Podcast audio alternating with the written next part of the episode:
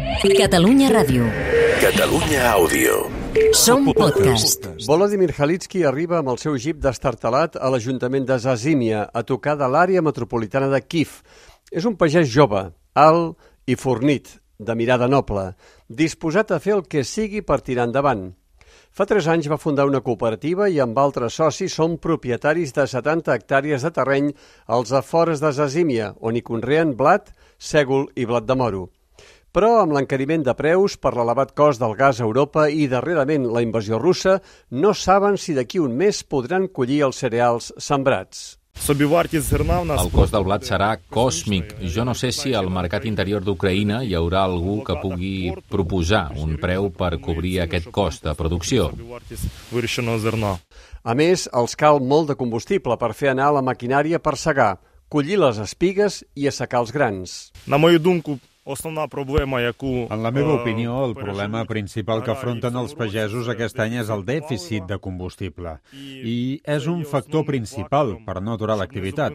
Sense adobs i pesticides podem funcionar, però sense combustible no. Техніка вся просто стоятиме.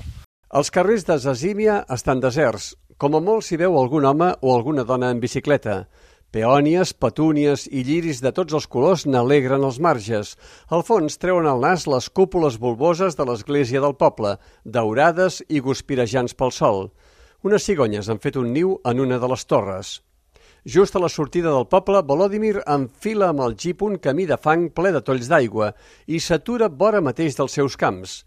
El blat tot just treu el nas de la terra, en forma de petits brots d'un verd tendre. 70 гектарів. Три роки тому Tenim назад. 70 hectàrees. Fa 3 anys vam fundar una empresa agrícola. El que creix a la nostra zona és blat, sègol, blat de moro.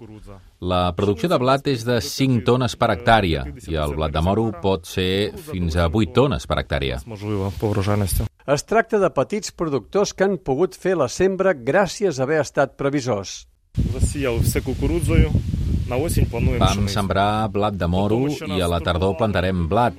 A la primavera estàvem molt amoïnats, però havíem comprat llavors a preus antics i teníem una reserva de combustible de la temporada anterior. En canvi, el preu dels adobs es va enfilar un 300%. Але добрива зросли на 300%. El sègol, explica en Volodymyr, no té gaire sortida. Per això han apostat decididament pel blat i el blat de moro que en aquesta terra creixen bé. Malgrat la guerra, Volodymyr afirma que Ucraïna s'ha sembrat pràcticament el 69% de la terra conreable, si bé aquí al nord han tingut més sort que no pas al sud, a les zones ocupades on molts petits productors acusen els russos d'haver-los forçat a vendre'ls a molt baix preu els cereals que amb milers de camions han portat fins a Crimea per exportar. La situació a la regió de Chernihiv és pitjor perquè van destruir tots els ponts. Molts camions grans no hi van perquè no hi ha una ruta directa. Com transportaran el blat? Això sí que serà un problema. Volodymyr Halitsky s'ajup i amb una mà agafa un grapat de terra ell és optimista sobre el futur dels seus cereals. Està convençut que trobarà una sortida, ja sigui pel Danubi, ja sigui transportant-los per terra als països fronterers europeus. Avui al matí he parlat amb els transportistes de blat. Una part de l'exportació del blat es fa pel Danubi. Sé que els transportistes estan planificant nous canals logístics directes a través de Lituània, Polònia, Bulgària i Romania, sense haver de carregar-lo als vaixells del Danubi, però cal temps per organitzar-ho.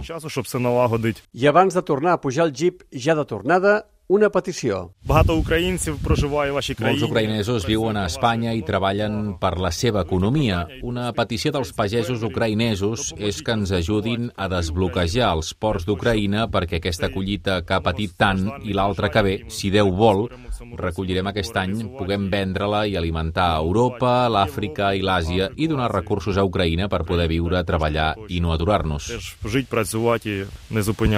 José Antonio Muñoz, Toni Arbonés, Kiev. Catalunya Ràdio. Catalunya Àudio. Som podcast.